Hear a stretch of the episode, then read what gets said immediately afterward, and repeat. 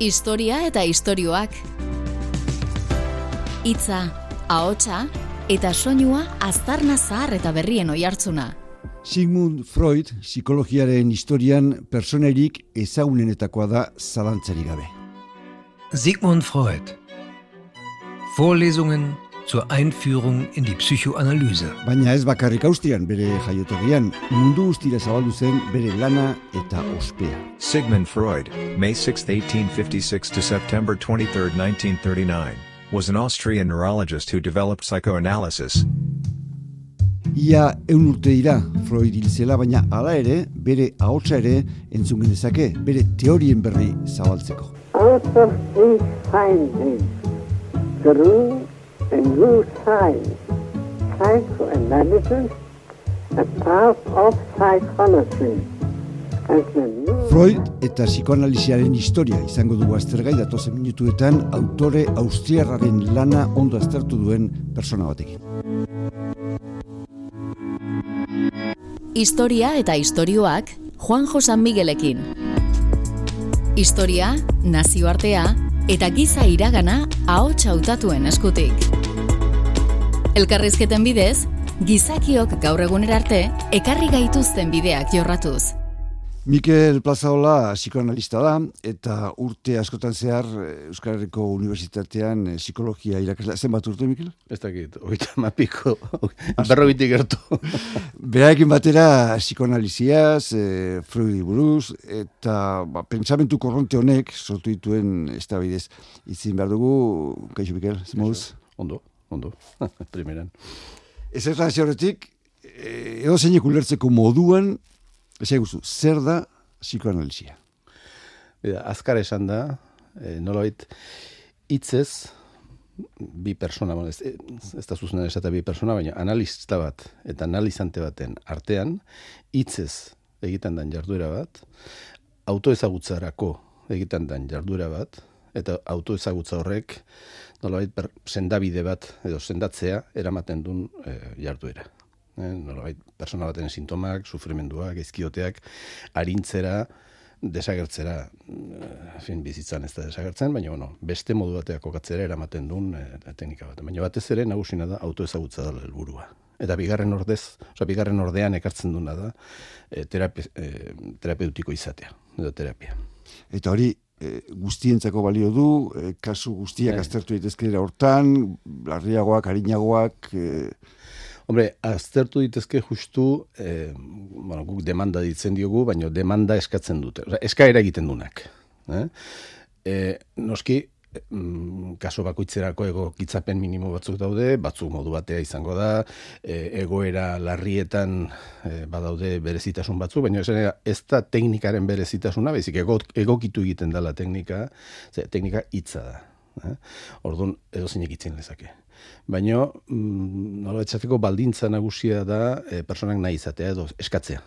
Ze badaude, eta adib, epatzen dut, gaur egun maiz gertatzen da beste baten bidez etortzean norbait, orokorrean terapia batetara. Eh? Eske gurasoak esan diote, edo entidade batek, edo erakunde batek bialdu du, personak berak bere eskaera egitez baldin badu jaideu.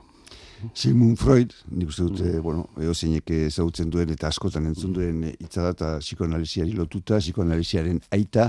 Freud psikoanalizia sortu eta erabiltzen hasi zen garai horretan, e, meretzigarren e, mendean, Urte batzuk lehenago sortu zen e, psikologia garaikidea edo modernoa, ze zaugarri ditu utxera psikologia horrek? Bai, Berez, lehen baino iaia garaikideak direnak, eh? gutxi gora bera garaikideak die. Ze, e, perspektiba historiko batetan, ma, mila zortziron berroita mar, mila zortziron daugei, mila zortziron da laroita mar inguru hortakoak die, bai garaikideak, eta bereziki bi, ez Gunt eta Titchener, eta gero hoiekin batera Freud, en fin, Brouwer, Freud eta beste batzu.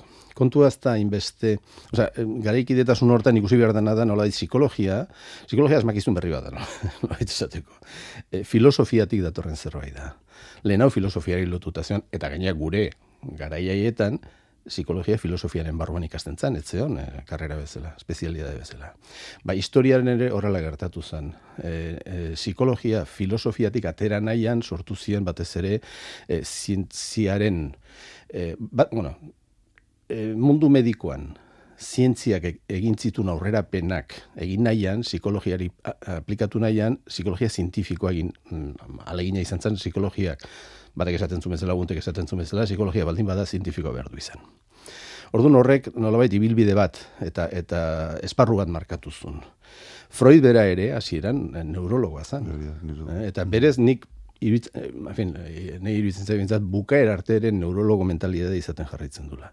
Bere, lagun, bere lan ospetsuenetako bat, proiektu una psikologia para neurologos, alegintzen zan, gaur egun neurozientziak bezala, por cierto, este, personaren psikismoa eh, nolabait eh, garuna zalaren funtzionamenduaren bidez esplikatzen. Osea, garuna zalak, garuna zalean kokatu diteke kontzientzia eta inkonstientea eta nia eta supernia eta guzti hauek. Gero konturatu zen, eskema horrek ez zuela balio. Orduan beste terreno batean sartu zen. Orduan, garaikidetasun hori gertatzen da. E, lehenago aipatutako autore hauek, batez ere medikoak ziren, medikoak eta fisiologoak. Osea, ez zen psikologorik. Naiz da guain, e, Wikipedia bidatzen dugunean nola azaldu. Orduan, e. medikuntzaren aurrerapenak ekarri zuen hau. Nik uste, bai, bueno, hori bai, zan, medikuntzan zientziak ekartzen zituen aurre- aurrerapenak aplikatu nahi izan duzien e, psikologiara. Eta gara, hortarako baldintza batzu behartzien, eta psikologia sartu nahi izan duzan baldintza horien eh, barruan. Eh? Frogatu alizana, evidentzia, eh, neurtu alizana, eta bar. Freud berre, beri, osea, berez hasieran ez, hasieran alegindu zen, pixkat bil, kokatzen, neurona asmatu zanerako, eh, hori ere, zera, zebero txarekin eh, garaikideak die, e, hori kokatzen, baina gero konturatu zen ez zula, ezin zala. E, osea, zientifikotasunak balio du, balio du nerako, baina psikoanalizian ik- lantzen danerako, ba ez. Egun da berrogei, egun da irogei urte hauetan, ez dakit, ze aldatu da, ez dakit, eh, psikologian oroar, psikoanalizian, eh, pentsatut, ezaugarri, lehen ezaugarri egitatik, hau da, eh, medikuntzatik abiatuta eta pixkat zerebroaren ezaugarri, ze azkenean bikotu dira, ezaguera, eta bestetik terapia, ez da, Bai. psikologia oroar, ez da. Bai. Ze, ze, gau, bakite urte asko Bai. direla, baina Bueno, ze aldaketa bai, bai, nagusi, bai. Aurrena, nik uste, e, osea, naiz Freud neurologo bezala hasi, gero horrekin moztu intzun, eh? Nahi da, bere pentsamoldea neurologiaren eskema jarraitzen baldin baditu ere, bere pentsamoldea erabat aldatzen da, batez ere mila bederatzeronean ametsen interpretazio idazten dunean. Orduan, Freuden e, mm, postulatuak, edo, teoriak, eta jarduera eh, teknikoa, e, gutxi aldatu da, psikoanaliziaren munduan esan nahi da. Eh? Ze gero, a ber, nola ditzateko, psikoanalizia, medikuntza eta psikologia erabat eh, desberdintzen die. Orduan, psikoanaliziaren munduan gutxi, oso gutxi aldatu da. Berez, adibidez, eh, egile nagusietako bat gaur egun, lakan, lakanek bere jarduera eta bere erronka izan zen, retorno a Freud. Eta hoen dala, laro eta urteta zaia, eh? E, zebeak ikusten zuen gauz batzutan desbideratzen nahi zala. Eta orduan, Freuden postulatuetara eta Freuden tekniketara baita ere. Ba, gero badaude aldak, aldakuntza txiki batzuk. Baina e, hortan mantendu egin da. Psikologia ez. Psikologia, bai. Psikologia berriz, e, bueno, ba, bere ibilbide, osea, nolabait e, zea, esparru ezberdinak ikutu ditu, objektua bizkat aldatzen junda, bere xedea bere objektua aldatzen junda, eta gaur egun, e, ba, momentu batetan adibidez, gen, genetikarekin dena lotu nahi izaten zen, hori nik ezautu dut, eh, genomo humanoren mapa egiten zen garai hortan, eta gaur egun neurozientziekin. Eh, baina baita ere bitartean adibidez Piageten ezagutzarekin, osea kognitibismoak eta bar, esan nahi dut, e, beste korronte batzutatik, beste pentsamolde batzutan oinarritu oinarritzen alegindu izan du nere ustez. E, psikoanaliziak hortan bere, bere bidea jarraitu du, eta Freudena, bereziki. Variante batzukin, ekarpen berri batzukin, baina bere bidea. Eta medikuntzak zesanik ez. Osea, medikuntzak oroitu nola oskultantzen gintuzten, edo belarria nola begiratzen ziguten, oain aparato baten sartzen zaitu eta hortik atatzen dana, ni se sabe. Ez, eh, Eta mundu hortan, bai, bueno, zu e, Freuden astapen haietan erabilitako teknikak, edo tekniken antzekoak erabiltzen dituzuela gaur egun, eta psikologiak, e, bueno, beste evoluzio bat izan duela, eta asko mm aldatuela, eta bar. Ze izan litekeoz, e, hitz gutxitan e, esan da, Freuden ekarpena psikologia mundu hortara zure Bai. Bueno, e, izugarrizkoa izan da. Osea, e, garai batetan batez ere gero arbuiatu egin da, baina hasieran hasiera batetan psikologia pixka psikoanaliziaren e, oinordeko zen. Eh? Psikoanaliziak esaten zituen. Osea, psikologiak izan duen problema bat nire ustez, eta oso ondo esatea, baina nire ustez hori izan da urtetan ikusi ondoren da, bere objetua ez daukala definitua. Ze batzuk esaten duten nortasuna, beste batzuk jokabidea, beste batzuk psikismoa, beste batzuk ezagutza, baino zein da orduan. Orduan, este, hasiera batetan oso dinamikoa zen. Osea, hola esa- esaten zitzaion psikologia dinamika. Eh? Zena, psikoanalizitik oso baldintzatuta. Ondoren, hain zuzen, zientziaren eh, bidetik eh, junda, ba, beste bide batzuk hartu zituen, gero kognitibismoarekin, eta bar. Orduan, mm, bai psikopatologian, eh, esan nahi da, eh, eritasunen ulermenean, bai psikismo arruntaren ulermenean, eta guzti hortan, eh, psikoanaliziaren eh, este, eragina erabatekoa izan da. Gero, hortik urrutiratu nahi izan du da. Ega, nik urrut, nunbaitetetik e, e, urrutiratu nahi banaiz, horren oinordeko naiz, azken finean. Ez? Gaur egun, esatuetako e, psikologiak erabiltzituen terapien aintzintari ez denetik. Bai, bai, bai, bai, askotan. E, azken finean, psikologiak ere, mm, en fin, no, nik esango nuke gehi, erabat aldaketa txiki batzuk ez ezik. Eh? Este, hitza erabiltzen du. Baina ez dio hitzari ematen, e, psikoanalisiaren ematen zaion, esan nahia. Ez erabilpena, ez esan nahia. Adibide simple bat. Eh? E, psikoterapia askotan, eta gaur egungo terapia teknika askotan, naiz jokabide terapia, kognitiboterapia, terapia familiarrak eta guzti hauetan, askotan aholkuak, bueno, baino oso modan da, konsailing eta historio guzti hauetan. Aholkuak ematen die, zer egin behar dan esaten da, e, zer ez egin behar aholkatzen da, azaltzen zaio e, personari zer gertatzen zaion, hori dena oharkabean ere hitzetan egiten da. Psikoanalizian hitza erabiltzen da, baina analizantearen hitza analistak ia ez hitz egiten. Beak, osea, analizan, horretik izena, batez ere lakan jardueran, analizantea esaten zaio, pazienteari, no, esateko. Bera, bera da, itzi, berak itzin behar du, bera da bere izkeran, bere esaten dituen gauz guztietan gauzak aurkitzen juten dana, itzin jalan. Historia eta istorioak. Hitza, hotsa eta soinua.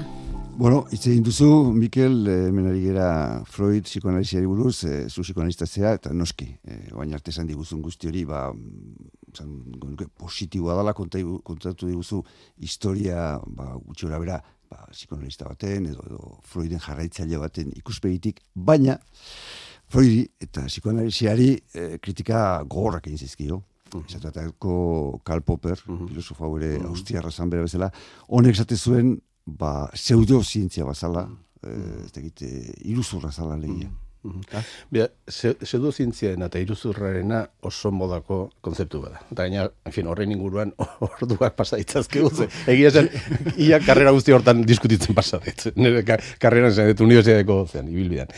A ber, aurrena detele txiki bat. Popper, antianalista bihurtu zen, antipsikoanalista bihurtu zen, analista bat egin izan zun, e, arazo txiki baten gatik, desengaino baten gatik. Anekdota da, e, gara hartan aldera dibidezan, e, bueno, este, batez ere aur terapietan, aurrak ematen zituzten kasuak eta superbizatzea, ba, nunbait, e, e, poperren ikasle garaian juntzan beak zeraman kaso bat, ez dakiz zer, Eta honek, bueno, erantzun zion egia esan ez dakiri bazen, baina, bueno, e, hipotesi bat egin zion, eta e, poperrek galdetu zion, baina, eta zuk hori nola dakizu, ba, beste alako, eta beste alako, eta beste ere berdin gertatzen dalako. Eta horren esan zuen, eta, eta nire esperientzia egun piko kasotan e, oinarritzen dalako, bueno, ba, hau izango da egun bat garrena, baina ez tezu entzun. Nik uste poperreko hortan hori ala gertatu aldin bazan, e, arrazoi zula, erabat. Eh? Oain, horrek, e, nola etxezteko, persona batek, e, profesional batek, kasu hortan Adler, e, jarduera izan zul, hori izan zulako, psikoanaliziaren teoria, praktika, trinkotasuna, bere garapena, bere antola guzt, antolamendu guztia, pikutera bialtzea, ez da oso zientifikoa. Baina, ez aizut, eh, Popper ez aizut, Bai, bai, bai. oso ezaguna alako, baina kritika hau, Horregatik, bai, bai. guztietatik joan Bai, baina, zaio eta eh, ez zaio kriti, olako kritikak askotan poperren oina, este, komentarioetan oinarritzen die, eh? Ze, a ber, nik ez dakit, pensatzen dut, beste ezagutzarlotan ere gertatuko dela, baina psikoanalizian, eta hau esperientziaz esaten dizut, zen, da, nik eh, fakultatean askotan galdetzen, a ber, eh, jende azten da, Freudi, edo psikoanalizi, orokorrean, eh? Psikoanalizi buruz galdera egin, eta batzuk esaten, bai, hori izan bere amarekin oheratu nahi izan tipo baten historia, edo kokaina hartzen zuen batena, eta holako, ba, konforme. Galdetzen duzu, a ber, inork irakurri aldu artikulo bat, bera, Fredi buruz. Ez, orduan zertaz egia. Orduan, irakurri gabe egiten dien kritika ugari daude. Beste batzuk bat daude oso kritika fundatuak. Eh, oinarrituak eta nik uste debatean sartzeko dira eta debate horiek oso interesgarri eta gaur egun ere badaude, eh, nahi da. E, baina esaten danean iruzurra eta eta pseudozientzia gaur egun beste arlotan ez oterren hortan ez gara sartuko baina homeopatia egin taloko hau zein gertatzen dana. Ez esaten da ez e, pseudozientziak die. Bueno, askotan zientziaren erabilpena pseudozientifikoa da. Eh, ez gaite zen, eh, olako gozetan ibili, baina psikologisi dago kionez, nik uste kritika batzuk, noski, eh, jarduera guztiak badute bere eh, kritika. Eta gaina, gertatzen da, ikus molde erabat eh, kontrajarrietatik egiten dien kritikak, askotan, adibide bat bada jartzeko, nik nola kritikatu dezaket eh, gaztelera, txinoaren gramatikatik abiatuta bilatu beharko dugu, hobitako bat, honik gramatika txino ulertu beharko dut, kritika bat egin alizateko, edo bilatu beharko dugu, nolabait, aman komuna den, eh, esparroren bat, kritikan, polemikan sartu alizateko, bestela, ez, ez dauka, oza, jai, eh? hortan jai dugu. Eh? Orduan, kritika, no, nik uste badu dela, kritikak eta oso, oso egokiak batzuk, oso interesgarriak, baina, bueno. Aman komunian dago hori zer da? Nola, nola definitu? Azken finean gizakia. Gizakia eta bere gaizkiote. Zabala da, claro. Bueno, eh, eh, gaizkiote ez da inzabala. Bai, baina, denok ezagutzen. Bai, hori da, baina, ez, baina, claro, hori ulertzerakoan, hori esplikatzerakoan, eh, hor bat daude abia puntuera bat ezberdinak, eta bata da, Freuden deskubrimendu nagusia inkostientea. Osa, gu ez gea gure buruaren jabe. Ez behintzen degen nuken bezala. Eta best, hori onartze ez duten guztiak beste multzo batean sartu ditzazkegu. Osa, ez ala denik, e, ezaugarri baten arabera egiten ditugu multzoak. Bueno, kaso honetan jarri ezakegu, e, e, este inkonstientea onartzen duten e, ulermen eta jarduerak, eta inkonstientea ez da hola pensatzen duten e, zera, jarduerak. Horiek bi multzo egiten dituzte, eta orduan, abia puntu era batez berdina die. Gero, teknikan, edo konkretuki kaso baten aurrean, edo gara baten aurrean, hor bai sortu ditezke ez da baidak. Banik hau egin dut honengatik, edo nire ustez hau horrela ulertu behar da, bueno, gaur egun neurozintzekin adibidez, hori nabaria da. E, neurozintziak e, ba, beraien, badirudi, e, ez dakit, helburua ozer, baina da, gizakiaren portaera, e, fin, ezaugarri gehienak e, esplikatzea.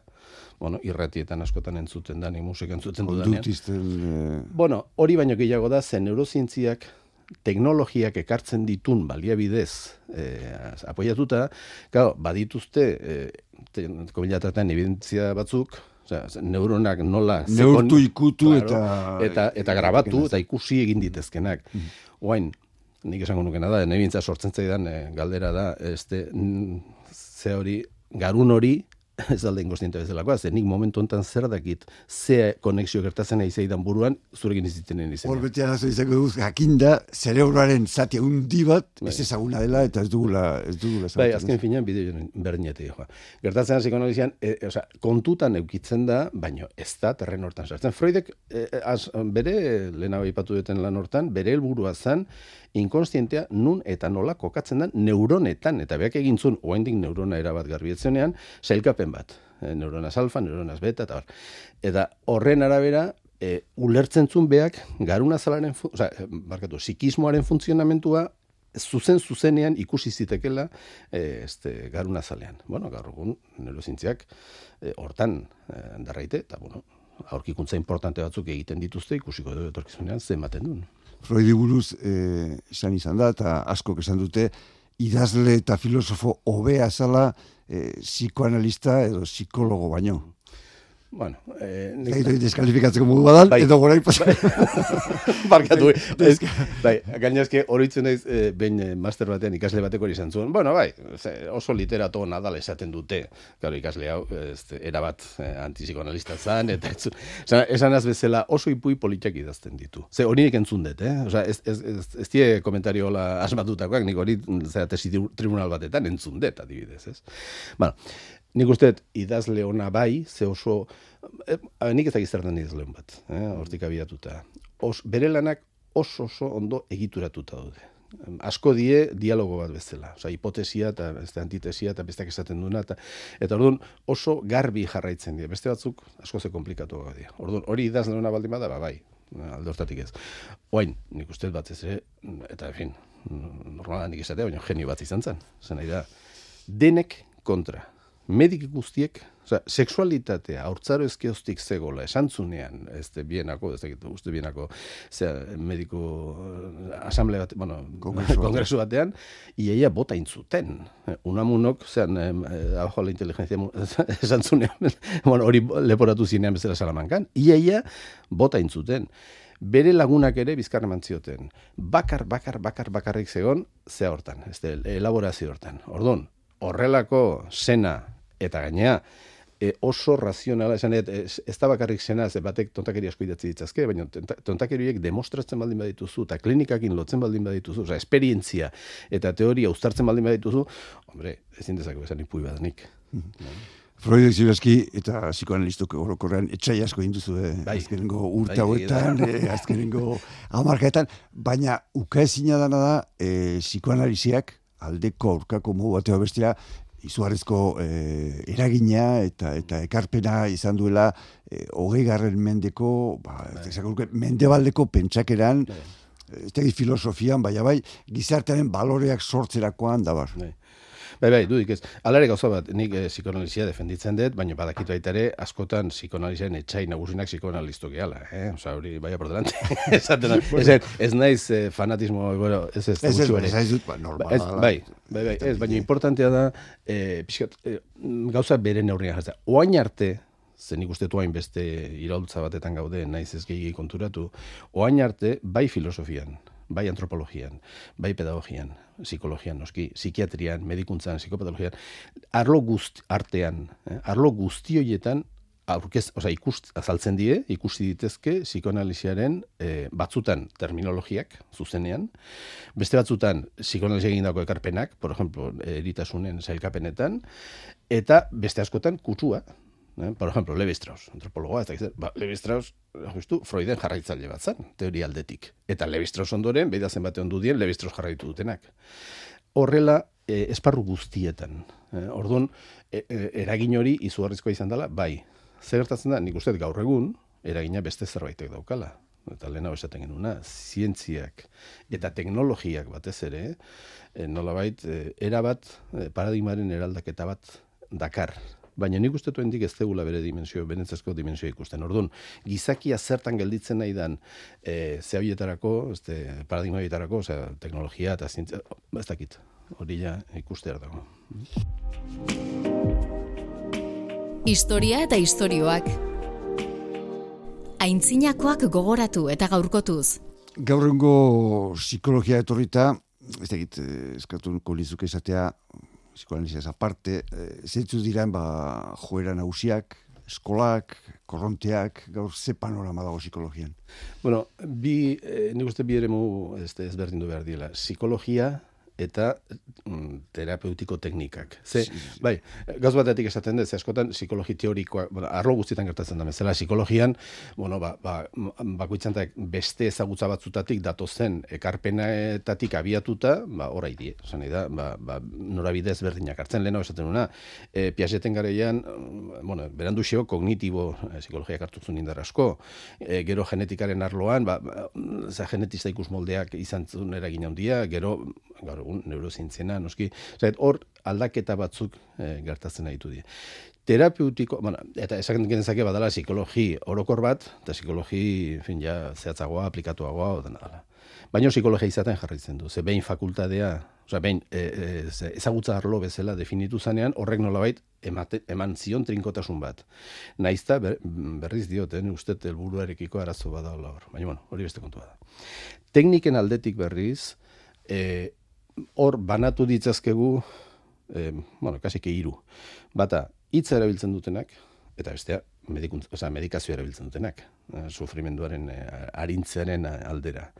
Ordun hitza erabiltzen du, osea, sailkapen hori jartzen baldin badegu, batetik psikiatria, osea, medikuntzaren eh, bidetik dijoana, botikak eta bar, eta baita ere naiz botikak ez izan askok erabiltzen dituzte, ba ez dakit Flores de Bach edo beste teknika batzuk, beste teknika ez elementuak, nahi da, objektu batzuk, badaude hitza bakarrik erabiltzen dutenak. Eta hor badau, nola izateko pixkat bada, ez dakit, ez nuke esango den teratik, baina badaude sistemiko terapiak, hau da, mm, e, gizarre emana sistema bat bezala ulertzen dutenak, eta hor finkatzen die batez ere familiterapiak eta bar. Este, kon, konduktiz- kognitibo-konduktualak, non batez ere portaeran finkatzen die, e, humanistak, non batez ere gizakiaren aldarrikapen bat egiten duten, gizakiaren komila tartean e, zintzotasunaz edo horren aldarrikapen bat egiten dute, psikoanalitikoak eta beraien artean dauden ezberdintasun guzti horiek, eta baten bat seguraztu zaidala, baina, en fin. Hoi dira gutxora, bai, bueno, e, filosofia moduan izango nuke, edo, edo ikasgai moduan e, e, psikologia eta bestetik te, teknikak, persona bat e, psikologoaren gana joaten danean, berdin zait, ze, ze klaseko psikologoa da, ze teknika erabili behar duen, badaki noa joan, badaki e, ze, arek ze Eskiniko sistema, ze, hori da. Nik uste, eh, orokorre, bueno, je, a ber, eh, nola gauza hauek ez dien eh, este, ofizialtasunetik kanpo gertatzen dien, osea, ni osakidetzara baldin ba noa, hango psikologo bat tratatuko nau, eta badakit osakidetzako psikologoa, psikologoa dela. Ez dakit ze mm, orientaziokoa da, eta behar bat zait gehiagia jola. Pribatura baldin ba noa beste gauz bada, gehiago jakinten aleginduko naiz. Baina ez du ze handirik ere, ez du pixu handirik, zergatik, Bo, hau da, e, generalean, persona bat gaizki daunean, bilatzen duna da lagunduko du norbait. Eta lagunduko du norbait hori bilatzen du askotan, zeren bidez, osea, referentzi batzun bidez, ez da listinan bidatuta, listo, ez. A ber, norbaitei kontatzen diozu, gaizki zaudela harrek esaten dizu, bazeatik etza honen gana june, bazeatik ez diozu honek galdetzen. Eta ez di izaten gehienetan referentzi epistemologikoak. Ze orientaziotakoa da? Batzutan bai, eh? batzutan izaten da, bai nik nahi nun bat psikoanalista ez dana. Eta ero bost urte damazki psikoanalista den horrekin. Eh? Maiz gertatzen da, alderantzire bai, noski, eh? ez da merito kontu bat. Beste kontu, orduan, jendea dijoa, nolabait garantiaren bat emango dionaren bila. Gero garanti hori arkituko du edo ez, eta horrek erabakiko du jarraitzea edo ez. Ze azken finean, izan diteke eh, psikoanalista ospetsuena, eh, oso modu zakarrea, baina feeling hori esaten dugun hori, ez? Konexioaren bat espaldin badago, zerbait eh, aurkitu espaldin badezu, ez dezu jarraituko. Ez da esperantza batekin jarraitzen duzu, zerbait aurkitu duzu. Eta hori horkabean frogatzen zoazen zerbait da. Beste kontu bada, prestakuntzarako egiten denean. E, persona bat, adibidez, psikoanalista izateko, aurren analizatu inber da, e, urtetan. Orduan, horrek, horrek bai, bilatuko du analista bat, generalean orientazio konkretu batetako analista bat, eta ez dakit ospea, baina referentzi batzuk ere bila. Ospeak ez du asko balio, baina referentziak bai. Batu bat joan dalako, Bai, edo bestia bai. eta... Edo zerbait irakurri duzu eta de, atentzio ditu dizu, edo nire ditzen bueno, bi alditan gaina. Na, fin, gauza personala ez du askoa jola, baina behin ezautze ez nun baten gana junitzen, baina horren junitzen bere hitzaldi bat entzutea. Eta hitzaldi hortan zerbait esan zuen, ba, nik badaki zer da, baina ez dut komentatuko, zerbait esan zuen, eta horrek engantzatu nindun. Eta beste behin, bazan beste bat, oso ezaguna, oso famatua, baina bueno, ez, ez zitzaidan buruti pasa i- eh, eh, horren gana jotea, baina baina amets bat izan nun, eta amets horre, pensatu, ba, zergatik ez kasoin. Eta orduan beste eh, horkin ere, hasi nintzen. E, pandemiaren ondorioz, baina ja azkenengo urte amarka hauetan e, buru gaitzak eta ondo ezat hori handia da, nabarmena da, e, horren aurrean, bueno, tratamentu eta modu asko daude, e, bi nagusia dira, bat psikiatrikoagoa, izango izatekena, botiken bidez eta bar, eta bestea, ba, bueno, terapien bidez, psikiatre persona bideratzeko, zer daiteke, ze aholkatuko zenuke, nire ikuste duzu panorama hori. Bida, panorama hortan, e, a ber, gertatzen da, Ik- ikusi behar dena da, psikologiak, eta noski, psikoanaliziak, bueno, psikoanalizian psikiatra asko daude baita ere, eh? baina, bueno, psiko, psikologoak ez dira psikiatrak izaten generalean, baina bai psikologiak eta noski psikoanaliziak ze balio duten e, instituzioetarako. E, osakidetzan ze balio du ze, psikologo batek, ezer gutxi, ezer gutxi. Orduan, horrelako tratam, osea, gaizkiote batez ere, bueno, pandemikoak edo tal, osea, multzo handien egoera gertatzen dienean, nolabait goitik datorren zerbait da. Gero daude bak- bakoitzak bilatzen ditun aukerak. Eta hor denetatik, osea, a ber, e, e, nik ez nuke esango bat beste baino beto da horre berdin, bakoitzak, bakoitzak erabakiko du zer di joakion ondo, persona batek ez du gehiagik jakin nahi, baino bere sintomak arindu nahi ditu, bere angustia gaizkiotea arindu nahi du. Bueno, ba, behar bada medikazio hartu eta kitxo, zuk ez tezu gehiago eskatzen, ba, bale? Eskubide guztiarekin. Eh?